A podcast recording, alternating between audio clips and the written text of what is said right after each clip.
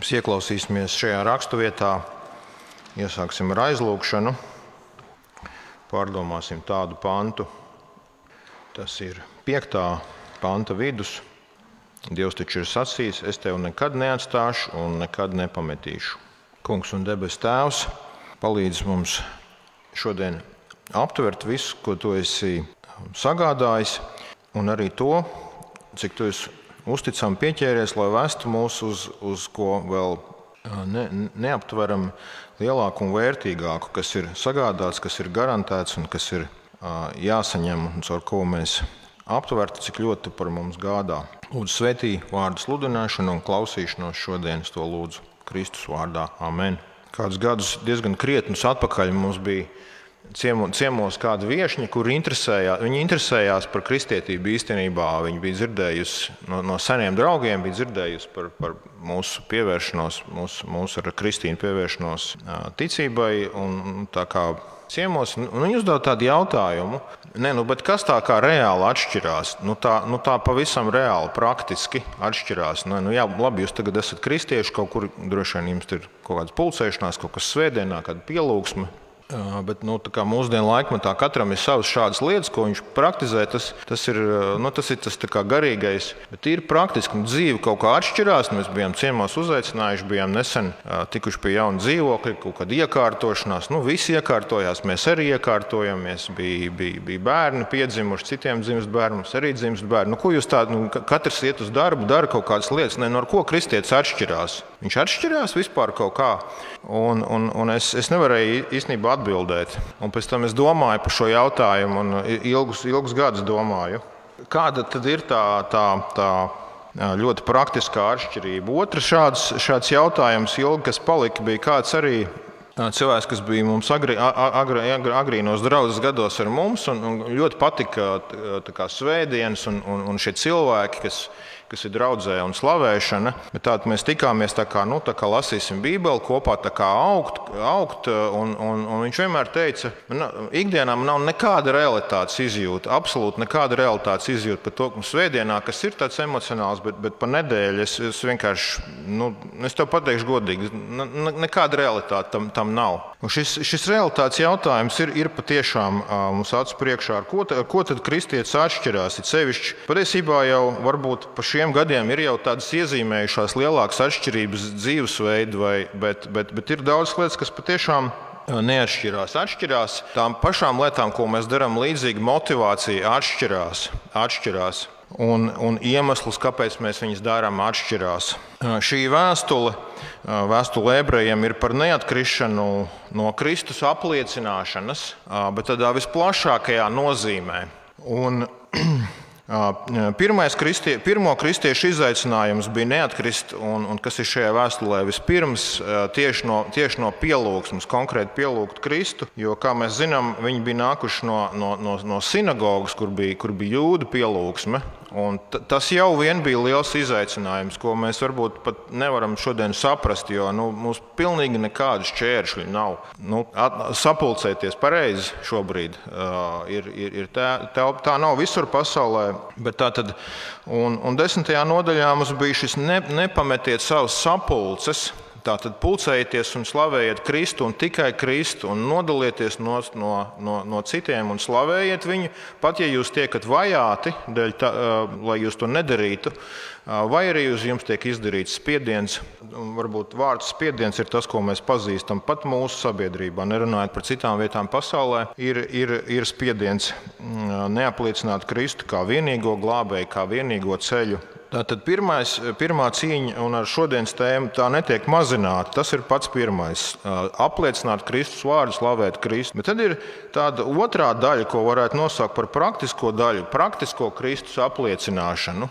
Un, un šeit noteikti ir, ja ne, ja ne vajāšanas, tad noteikti spiediens uz mums ir. Tādā veidā nebūt uzticamiem Kristum, un tā jau ir cīņa. Un ir vēl trešā tā teikt, varētu teikt, kategorija bez vajāšanām vai spiediena, kas ir tāds viegls vajāšana forma. Ir trešais ir visparastākie kārdinājumi. Un tie bija mums vēstules sākumā, tā līdzība ar iziešanu no Eģiptes. Un vienkārši šī Eģipte velk atpakaļ, šī pasaule velk atpakaļ. Viņa kārdina, viņa ir vilinoša, viņa, viņa, viņa ir pievilcīga mums, kas mūs kavētu no iešanas uz priekšu un iešanas ar Kristu. Šie trīs ir vienmēr pret mums. Un mums vajag skatoties jaunā gadā uz izaicinājumiem, uz to, kas ir svarīgs. Mums noteikti jāpaliek uzticamiem Kristus vienīgā Dieva pielūgsmē, bet nenoliegt viņu um, arī, arī darbos. Kāda tad ir šī atšķirīgā motivācija mums, mums, mums darbiem, praktiskajai apliecināšanai? Dievs ir uzrunājis mūsu glābšanā Kristū. Tas pats Dievs tajā pašā dēlā, kā vēstule iesākās, um, mums arī atklāja, ka šīs patreizējās pasaules kārtība, ka viņa tiks uh, satricināta, satricināta un nebūs pastāvīga. Un ka pie Kristus apliecināšanas nozīmē uh, pieder arī tas, ka mēs to um, satveram un ticam, ka caur Kristu mēs ieejam jaunā pasaulē, jaunā kārtībā, kas tiek saukta Dieva pilsētu vai par pilsētu, ko būvē Dievs atšķirībā no šīs cilvēku pilsētas, kur mēs tik ļoti redzam cilvēku visu veidoto un roku darbu, un par nesatricināmu valstību. Viņi tiek saukt šajā vēstulē, kad Kristus apliecināšana ir ticēšana arī tam, ka tas ir, ir uz ko uh, mēs ejam, un ka tikai caur Kristu mēs tur varam ieiet. Viņu, viņu apliecinot, ar viņu turoties, ar viņu ejot uz priekšu. Uh, tieši pirms vārdiem, kurus mēs tikko lasījām, 13. nodaļā, 12. nodaļas beigās, 12, 28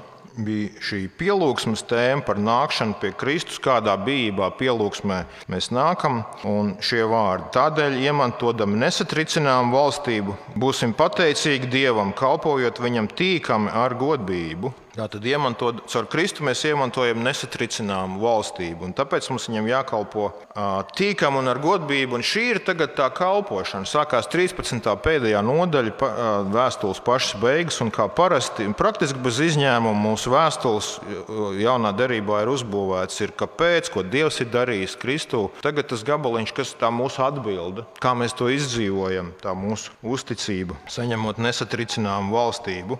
un te ir tas atšķirīgais motīvs, kā Augustīns ir teicis daudzus gadus atpakaļ, ka neviens nekad nedzīvos pēc eh, kristīgās ētikas šajā laikmatā, kurš netic nākamajai dieva pilsētai, kur dievs būvē, kur tā, kur tā ir realitāte. Šī, šī jaunā eh, ētika, šī jaunā kārtība ir realitāte. Jo gluži vienkārši kristīgai ētikai nav nekādas loģikas šajā šī laika kārtībā. Tas nav ne izdevīgi, un tas nav arī izpildāmi. Un, un, un, un šeit ir tie neparastie cilvēki, tie kristieši, kas dzīvo šajā laikā, nepārveidotajā laikā, kas, vēl, kas gaida satricināšanu un bojāēju, bet dzīvo pēc, jauna, pēc jaunas kārtības, kur nav vēl pilnībā klāta skatīšanās uz priekšu. Un mūsu, mūsu apustulis uh, mums dod trīs tādas lielas, lielas uzsvaras, un, lai, lai viņi ir šim gadam kā tādi um, ies, iesākumu, iesākumu svarīgi, svarīgas jomas, svarīgi motīvi. Pirmais ir vies, viesmīlība pret svešiniekiem. Kāpēc un kāds šeit kopsakars ir ar jauno, ar jauno dievu pilsētu un jaun, jauno pasauli? Tas ir par kristiešu uzņemšanu tieši, nevis jebkādu svešinieku. Nedomājieties, viņi bija izmesti no sinagogas, kas bija arī sociālā, sociālā kārtība, kur tu piederēji, kur tu ieguvi sev labu statusu, iespējams, ka pat, pat biznesa kontaktus, normālu stāvokli sabiedrībā, tad aizsardzību. Jūs zināt, pat, pat ķēzeri nevajāja, cil, ne, nevajāja sinagogu tā, tā, tā nopietni. Lielākā daļa nevajāja. Viņi bija pasargāti tur. Un tagad, ja tu esi kristietis, tu nevari vairs tur būt. Ja tu seko Kristum, tu nevari būt tajā cienījamajā reliģijā. Mēs pat varam tādas paralēlas iedomāties arī mūsu laikā. Ir tādas reliģijas, kuras ir tā kā, kuras Un, un, un lūk, mums ir blakus šī kaimiņa agresora valsts, kur ir šāda situācija. Ir, ir baznīca, kur ir pieņemama valstī, bet kas ir ļoti, ļoti neusticama Kristum. Viņas būtu jāiet prom. Un, un kas notiek, kad tu esi tagad ārā, kad tu esi evaņģēlisks kristietis, tev nav vairs šī pasargāšana. Uzreiz mēs ieraugam jēgu šai viesmīlībai, kristiešu viesmīlībai, ka tu pieņem svešinieku. Viņš ir svešinieks tādā ziņā, viņš visticamāk tev nav ne rats, ne draugs tu viņu, tu viņu pie, pieņem Kristus dēļ, vai izmitini, vai kaut kā, kaut kā maksā kaut kādu viņa rēķinu, vai kaut vai dažas dienas īstenībā ir vēlāk, otrā gadsimta piekodinājumi kristiešiem nekādā gadījumā to ļaunprātīgi neizmantot, neuzsēsties kādam uz kakla uz, uz, uz mēnesi, uz gadu, tik, tik cik vajag dažas dienas tajā vietā piestāt kādu kalpošanu, veikt vai kādas vajadzības. Bet pamudinājums to, to darīt. Un kāds tam sakars ar, ar, ar šo pārliecību par citu nākotni? Ja tu esi gatavs maksāt cenu tādā veidā, tu stiprini liecību par Kristu, ja viņš arī ir kristietis. Ka tu saproti, ka, ši, ka šie ir tie ļaudis, kur tiek aicināti uz jauno Dieva pilsētu. Tas ir tavs biedrs tajā jaunajā ceļā, un ar to tu stiprini pats savu piederību. Jo tu zini, ka tur var tikai ievest jūs Kristus. Pa, pa, pamēģināsim pārnest to praktiski mūsdienās, un mēs kaut ko no tā esam piedzīvojuši. Ja tu dzīvo daudz stāv mājā, un kāds pie tevis paliek dažas dienas, tu viņu, tu, tu viņu uzņem. Bet tikai tāpēc, ka viņš ir kristietis. Varbūt kādā apmaiņā, studenta apmaiņā vai kādā kalpošanā. Tu saki, es tev došu savu māju vietu, es par to samaksāšu. Tu varēsi pie mums būt. Kaimiņi uzprasa, kas tev ir ciemos. Nu, kā, tu, tas nav tev ne rats, ne draugs. Kaut kā tev jāsaka, kādā sakarā viņš tev ir ciemos. Citas sakarības nav tikai Kristus un tikai jūsu kopējais mērķis, uz ko jūs ejat. Lūdzu, uzreiz tas tiek uh, iemiesots. Es domāju, mūsdienās tas nemaksās daudz, bet varbūt darbā tu teiksi, man jābūt ātrāk, man ir viesis, kāds viesis kādā sakarā. Tā jau ir iespēja pastāstīt. Un varbūt tavā darba vietā nav labvēlīga pret Kristu, pret kristietību. Tas tev kaut ko jau sāks maksāt, uh, sāks maksāt šāda, šāda viesmīlība ticība, bet dariet to. Dariet to, aplieciniet Kristu. Un, ja, būs, ja, ja pienāks jau mūsu laikos tāda laika, kad būs jau daudz skaudrāk jāmaksā, tad dariet to. Jo šie ir tie cilvēki, tie kristieši, Kristus cilvēki, kur, no kuriem Dievs gatavo um, jauno, jauno pilsētu. Viņi un tikai viņi tur būs.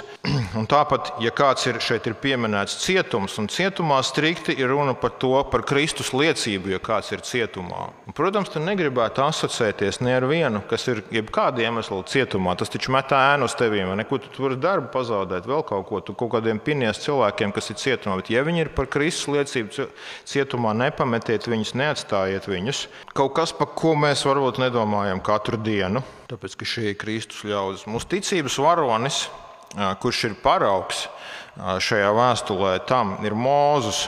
Atpakaļ 11. nodaļā, kas bija par ticības varoņiem, par tiem, kuri nevis atkrīt un paliek Eģiptē vai nomirst tūkstnesī, bet tie, kas ieiet, kas aiziet līdz galam, kas ticēja, kas saprot, kas ir aptvēruši, cik dārgs ir tas, kas priekšā, ka tas ir to vērts, viens no viņiem Mūzus.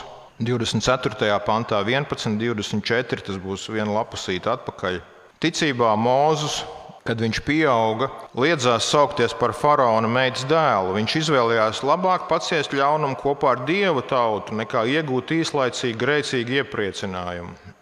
Negodu Kristus dēļ viņš turēja par lielāku bagātību nekā visu Eģiptes mantu, jo viņš raudzījās uz atalgojumu. Kā viņš tā varēja iemainīt lielus labumus šajā laikmetā, būt faraona galmā, kā, nu, tiešām siltā vietā un, un, un augsti cienījams un pārticis pret būšanu ar šiem nu, diezgan nožēlojamiem ļaudīm, kas bija tādi skrandāņi, viņi sveda caur, caur tūkstnesi, bet Viņš ticēja, ka tie, tie ir tie, ko Dievs pulcē, un viņš viņus ved uz savu zemi, uz reālu vietu, kur Dievs pats būs ar viņiem, uz labu vietu, ka viņš dod viņiem, un ka tie ir tie cilvēki, kuriem ir nākotne. Tas ir vērtīgāk būt nekā, nekā faraona galmā. Tiem ir nākotne. Un viņš nepalika zaudētājs. Viņš nepalika zaudētājs, viņš iegūst Dievu pilsētu. Tas ir labāk. Šāda sakarība ar, ar, ar viesmīlību. Kāpēc, kāpēc būt viesmīlīgam? Jūs paši nezināt, ko jūs uzņemiet. Varbūt jūs uzņemat eņģeļus, kā Abrahams, kā Lats Sodomā.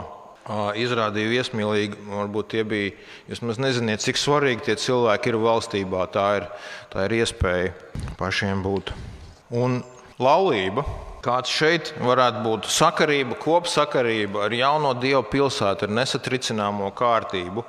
Vēsturnieks Toms Hollands kurš saglabā tādu pārsteigumu, cik ļoti kristietība izmainīja Romas impēriju. Viņš raksta grāmatas un, un raksta raidījumus, un tagad viņš ir populārs. Jūs droši vien visi viņu ziniet. Viens, ko viņš novēro, ir, ka šīs lau, lau, laulība, šī seksuālo attiecību modelis, viens vīrietis, viena sieviete uzticībā, ir, ir antīkajā pasaulē ne, nepazīstams, nepazīstams uzskats par, par, par, par seksu. Tas ir, tas ir patiešām tā nebija pirms tam. Un, ja, ja, ja Dievs ļaus kristietībai mazināties, tad tā nebūs arī, tā nebūs arī pēc tam. Tas ir unikāli saistīts ar šo Bībeles uzskatu, ar kristīgo uzskatu, ka viņi tā ticēja un viņi tā praktizēja. Jūs varat palasīt Tomu Holandu grāmatā, kā, kādas bija romiešu prakses šajā sakarā. Arī tagad mainās ātri mums situācija apkārt ziņu. BBC ziņa, ziņās ir apkopot populārākie raksti šogad, un viens no tiem ir par poliamoriju, par atvērtajām attiecībām vairākiem partneriem, kā, kā veidu, kas ir populārs, kas interesē daudzus cilvēkus. Tā kā sabiedrība mainās sabiedrība mainās. Un tam ir noteikts spiediens uz mums, uz mūsu jauniešiem. Jauniešiem ir, ir, ir spiediens izmēģināt seksu pirms laulības. Un, un, un tāds godīgs jautājums, ko es esmu saņēmis, bet es jau neesmu nekādā laulībā, es jau nepārkāpu laulību. Ne? Bet, bet nepārkāpt laulību nozīmē, nozīmē jeb, jebkādā veidā pirms vai laulības laikā vai pēc laulības nebūt, nebūt tuvu ar kādu, kas nav tavs vīrs vai sieva. Un šis būs noteikti šobrīd tajā kārdinājuma sadaļā. Bet jaunieši patiešām Dievs jums piekodina, ka jūs, jūs neiegūsiet to, ko jūs cerat. Tur nebūs ne apmierinājumu, ne, ne iepriecinājuma. Un, un, un Un seks ir svētīts tikai, tikai laulībā, tur viņš, tur viņš var piepildīties. Bet visas cilvēku vēlmes vispār nav iespējams piepildīt. Tāpēc mums ir nākamā valstība, Dieva pilsēta, nesatricināma valstība. Tas lai ir kā mierinājums tiem, kas nav laulāti, ka, ka, kad, kad, kad arī laulība nav, nav kaut kāds brīnuma atbildes pilnīgi visām cilvēkiem. Mums ir vēl vajadzīga jauna pasaule, mums vajadzīgs pats Dievs, kas ir, kas ir cilvēka visu vēlmju piepildījums.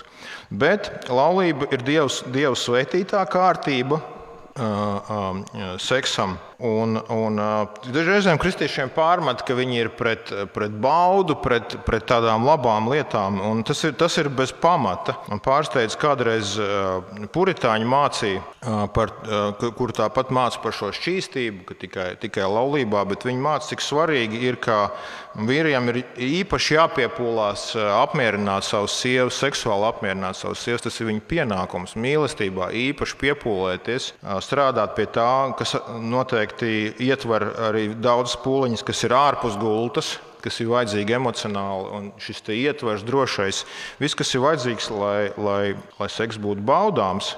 Tas ir eh, kristīga vīra pienākums mīlestībā. Un, un daudz tādas lietas. Šī ir dāvana, kas uzplaukst eh, šajā ietvarā un tikai. Un, un ta, tas ir viens, viens veids, kā šai laulības gultai būt šķīstai un neaptraipītai, ir laba, laba tāda salda seksuālā dzīve laulātajiem partneriem, lai būtu mazāks kārdinājums laulības pārkāpšanai un, un, un, un piepildījums. Eh, padomdevēji runā par to, ka kad nonāk kādreiz, diemžēl, lieta līdz šķiršanās, padomdošanai, tad, ka, tie, ka tie partneri ir pārsteigti. Nu, kā viņiem tā atzisa? Tā, tā kopdzīve, kā tas tā varēja notikt, ir, bet, bet tā notiek. Viņi ir pārsteigti, bet tā notiek. Tur, un, un tur ir bijis kaut kāds kaut kāds ilgstošs process, kas, kas tam ir ļāvis tā notikt. Tāpēc tas ir jākopja un jāsilda uh, mīlestībā. Tas ir tāds uh, mīlestības uzdevums. Jo mīlestība ir došana, un, bet kā var būt vienmēr dodošs? Mēs zinām, mums ir ļoti, ļoti grūti būt vienmēr dodošiem. Bet, bet, bet, bet, bet eh, kā šis gabaliņš iesākās, brāļa mīlestība, lai paliek, mīlestība, lai paliek, lai viņi, lai viņi ir, lai viņi turpinās. Kā būt vienmēr dodošam, kur dabūt tādu avotu? Šeit ir vēl viena atšķirība. Avots atšķirīgs, motivācija atšķirīga, atšķirīgs avots. Kristus mūs mīl, viņš vienmēr ir dodošs. Viņš vienmēr ir dodošs. Mums jāiet pie šī avota. Un, tie, un, un, un ir, laulībās ir, ir dažādi. Ir, ir, ir grūtas laulības, tas ir fakts. Ir, ir kādi, kam, kam, kam ir vienkārši jāpastāv grūtā laulībā. Un tad ir visu laiku jāiet pie šī avota. Un labās, laimīgās laulībās ir posmi. Nav, nav, nav vienmēr vienādi. Ir grūtie posmi, ir labāki posmi. Citreiz var bez nekādas papildus palīdzības viss ir uz urā, bet citreiz ir īpaši jāiet pie šī avota. Tāpēc jau viņš ir dots, mēs jau bez Kristus nevaram. Un viņš vienmēr ir dodošs, viņš vienmēr ir dodošs. Laulības, kristīgās laulības, šis uh, pamats un paraugs ir tas, kā Kristus mīl draugu, kā Kristus mīl draugu, kā viņš ir nodevies viņai. Šī, tas ir tas attēls, un tā ir tā derība arī, par ko šī vēstule runā. Tā beznosacījuma nodošanās, pastāvīga nodošanās, kuri, nemainīgi, kuri, kuri ir tik nemainīgi, mēs, var, mēs viņā varam smelties to avotu un spēku, kā Kristus man mīl, tam arī jāmīl. Tā, jābūt dodošam. Ja jābūt dodošam nedēļu, tad nedēļu, ja mēnesi, ja gadu, tad, tad, tad gadu. Un, un ja, ja abi laulībā būs dodoši, tad, tad, tad viņi izdzīvos, tad viņi strādās. Tad viņi strādās, um, tad, tad, tad abi būs saņēmēji. Nevis, jo citreiz nu, kāds, kādu laiku kāds var būt dodošs savā spēkā, bet tad viņš izsīks, tad viņš izsīks. Kur tad lai viņš ņem? Tāpēc mums ir, mums ir avots. Uh, Kristu un, un viņa, viņa derībā. Viņš kļuva par cilvēku, tikko mēs Ziemassvētkus svinējām, priecājāmies, turpinām svinēt. Viņš kļuva par cilvēku, viņš tik ļoti mīlēja savējos. Un viņš, un viņš mums tā pieķerās un nelaiž vaļā un vedīs līdz galam uz, uz savu, uz savu dievu pilsētu, uz savu nesatricināmo valstību. Grāmatā Laulības jēga Timotejs Kellers raksta par par mūsdienu šo partneru tirdziņu, partneru biržu, kurā, kurā katrs kā, visu laiku mēģina novērtēt, cik viņš vēl ir vērts un vai viņš ir dabūjis savu, savu, labāko, savu labāko. Un, un tas, tas, tas kārdina uz, uz partneru mainīšanu, uz laulības pārkāpšanu, šā, šādu domāšanu, uz laulības pārkāpšanu. Tas mums ir uh, visapkārt vīriešiem vizuāli, kas apkārt attēlu, ko var ap, aplūkot, kas samazina apmierinātību ar savu laulāto, ar, ar savu sievu. Kā Jēzus teica, kas ir uzlūkojis sievieti ar iekārtu, tas jau ir laulība pārkāpis ar viņu, tas ietekmē laulības gultu. Šķiet, ka vīrieši ir tie uh, galvenie paramie suņi, bet sievietēm ir, ir savi grēki. Viņas kā, uh, piemēra citus, kā pielaiko citus, citus sievu vīrus sev un iedomājās. Iedomājās. Un šeit mums ir šie vārdi, kas mums ir grēksūdzes lūkšanā, arī ka mēs grēkojam domās, vārdos un darbos. Tad, kad cilvēki nonāk līdz, eh, tiešām, eh, līdz, līdz šķiršanās padomdošanai, tad ir pārsteigums, kur tas ir radies. Bet tas ir radies domās un iespējams, ka vārdos kaut kur, un tad tas nonāk līdz darbiem. Tāpēc lai laulības gulta ir neaptraipīta, lai laulība ir pie visiem uh, godā. Ja mēs ar Kristus avotu varam sev šo ļoti sakoncentrēties un turēt tādas labas, siltas laulības, tad kā Frančs Šefers, apoloģēts kādus gadus 70 atpakaļ seksuālās revolūcijas sākumā, viņš teica, pēc 50 gadiem nu, laba, tāda stingra, priecīga laulība būs galvenā kristiešu apoloģēta. Jo arī tieši kristiešiem iet grūti ar, ar, ar, ar laulībām. Ir, ir, ir arī laulības šķiršanas. Tāpēc mūsu autors tik maz lietas dod. Vispār šī vēstule man pārsteidz. Viņa ir tik liela fundamenta un tikai dažas lietas, kuras jādara. Pasaka. Tikai dažas, būtībā šīs trīs. Neko, neko vairāk. Vēl ir, būs par vadītājiem nākošajā reizē. Viss. Šis ir tik, šis ir tik svarīgi. Tā ir Kristus un draudzes līdzība. Un šeit sūdzēsim vienmēr grēkus, atgriezīsimies, saņemsim, saņemsim no Kristus avotu, lai mums būtu šis siltums. Un tad no 5. pantiņa, lai jūsu domas ir brīvas no mantkārības, lai jums pietiek ar to, kas jums ir. Pats Dievs taču ir sacījis, es tevi nekad neatstāšu un nekad nepametīšu. Vai tad nekristiešiem nav tāds tikums, kā tas, ka mantkārība nav labi? Kurš pateiks, ka mantkārīgs cilvēks ir, ir, ir kaut kas labs? Nu, neviens, taču visi, visi tos ir gatavi nosodīt mantkārīgos. Bet šeit mums, mums kristiešiem tas tests ir šāds. Vai, jo es domāju, neviens uzreiz nedomā, o, jā, tā ir mana problēma, man jāsūdz grēki ar mantkārību. Bet tas tests ir šāds kopsakrībā ar šo vēstuli un Kristus liecību. Vai es varētu noliegt Kristu vai kompromitēt savu liecību par viņu, vai norobežoties no citiem kristiešiem? Ja, mana, ja man būtu jāzaudē kāda manta, darbs, māja, karjera, varbūt mantojums, kur es kompromitēju savu liecību, tāpēc ka es ceru kaut kādu varbūt mantojumu saņemt. Vai es, vai es te, to, to, to gan es nedarīšu, jo tad man nebūs pietiekoši ienākumu, es nevarēšu paturēt savu māju. Ja, un skatieties, kur ir tas izaicinājums atpakaļ desmitajā nodaļā vienu lapu atpakaļ no 34 šiem jaunajiem kristiešiem, ebreji no 10.34. Jūs esat cietuši līdz ieslodzītajiem un ar prieku esat uzņēmuši to, ka jūsu manta tika nolaupīta, zinādam, ka jums ir labāka un paliekoša manta. Tādēļ neatmetiet savu paļāvību, tā ir liela alga, bet jums ir vajadzīga izturība, lai darīdam dievu gribu, jūs saņemtu to, kas apsolīts. Jo vēl tikai mazliet, mazliet, un tas, kuram jānāk, nāks un nekavēsies, bet mans taisnais no ticības dzīvos. Taču, ja viņš atkritīs manai dvēselē, pie viņa nebūs lapatikas. Tāpēc tas ir izšķiroši, lai es tiešām varētu teikt, lai tu varētu teikt, lai man pietiek ar to, kas man ir. Ja, ja, ja mums kaut kāda manta būs tādā vietā, ka mēs būtu gatavi savu liecību kompromitēt un kaut ko noklusēt vai neasociēties, tad, tad tas ir tas izaicinājums, ko mēs neizturēsim. Tad mēs paturēsim šī laika mantu un zaudēsim nākamā laika vērtīgāko mantu. Mēs zaudēsim Kristu un līdz ar to arī to mantu, kas nāk ar viņu. Tāpēc, lai, jūs, lai, lai jums nav mantkārības domas, tā tik liela pieķeršanās. No vienas puses, kristietis ir aicināts būt uzņēmējs un investēt un labi pelnīt un visu to darīt, ja, ja Dievs dod labos laikos. Bet, ja tev Kristus liecības dēļ ņem to nost, tev jābūt gatavam to atdot. Mēs neesam vienkārši tā kā askēti, askētismu pēc, jo mazāk, jo labāk. Un tad jau tā kā mēs nebūsim pieķērušies šai pasaulē, budismu idejas. Nē, tas ir pilnīgi kaut kas cits. Darbojies, viss dod, dod darbiniekiem darbu, strādā, visu to dari, bet Kristus liecība ir, ir, ir svarīga svarīgāka, jo viņš tev gādā mantu. Viņš tev gādā mantu. Es tev neatstāšu un nekad nepametīšu. Jūs zināt, no kurienes ir šie vārdi? Es tev nekad neatstāšu un nepametīšu. Tie ir vārdi, ko, ko Dievs saka Jozovam. Pirms viņam ir jāiet iekšā, saņemt apsolīto zemi. Un, un tā, tad, un tā ir arī šīs vēstules līdzība, kad ar Kristu mēs ieejam zemē. Un kur, kur ir tā doma?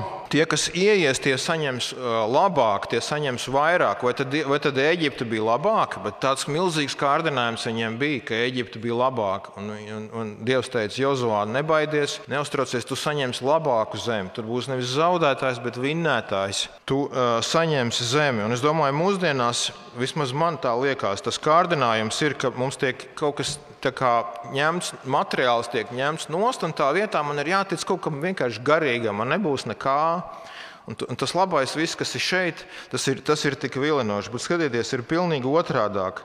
Dievs viņus veda uz zemi, kas ir labāka, kas ir vislabākā, vislabākā vieta uz pasaules, visauglīgākā, visbagātākā. Un tur klāt tur bija viņš pats, Dievs klāt ar viņiem, kas apmierina visas vajadzības. Tā vietā, kur tev kaut ko atmet no Eģiptes, kur tev, vai, vai, vai, vai kur tu esi vergs, tev kā kaut ko iedod, tev ir kaut kāda viltus drošība, viņa neliela, bet tev ved uz labu, bagātīgu zemi. Un tie ir tie vārdi, ko viņš šeit pieliek klāt no, no Jozovā. Es tevi neatstāšu un nekad nepametīšu. Tev tiek dota zeme. Un tu, tas ir tas, kur Kristus mūs ievada vēstules sākuma daļā, otrās nodaļas piektajā, piektais pants. Taču bija, jo ne eņģeļu varā viņš ir devis nākamo pasauli, par kuru mēs runājam. Proti, nevis eņģeļu, bet Jēzus varā. Klausiet, Jēzu, viņš jūs ievada nākamajā pasaulē, par ko mēs arī runājam. Nevis kaut kādā garīgā, iedomātā, tādā platoniskā, ideālā vietā, pilnasinīgā, īstā zemē.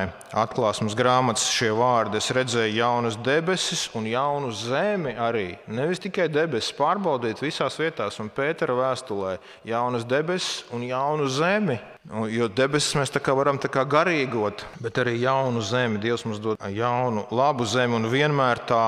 Un atpakaļ pie Kristus līdzības par šo, ar ko mēs salīdzināsim debesu valstību, un šī uh, līdzība par, par lauku, kurā ir šī dārguma lāde. Tas, kurš saprot, ka tur uh, ir tajā laukā ir tā dārguma lāde, iekšā daļa no tā lauka, viņš pārdod visu, lai nopirktu to lauku. Jo viņš saprot, ja viņš nopirks to lauku, tā lāde būs viņa. Un tie dārgumi tie nav tā kā garīgas atziņas, vai kaut kas ezotērisks, vai kaut kas dvēselisks. Tie ir reāli dārgumi, ļoti daudz naudas, ja gribat. Ļoti milzīgs naudas konts, milzīgs uh, ieguvums. Un tāpēc ir vērts. Nav, tā, tā līdzība darbojas tā, ka jūs saprotat, viņš nav muļķis, kurš pārdeva visu pilnīgi visu, lai iegūtu to lauku, jo tad viņam būs tā dārguma lāde. Nesatricināmā valstība, Dieva pilsēta, tie dārgumi ir īsti, viņi ir fiziski dārgi un, un paliekoši un mūžīgi. Amen.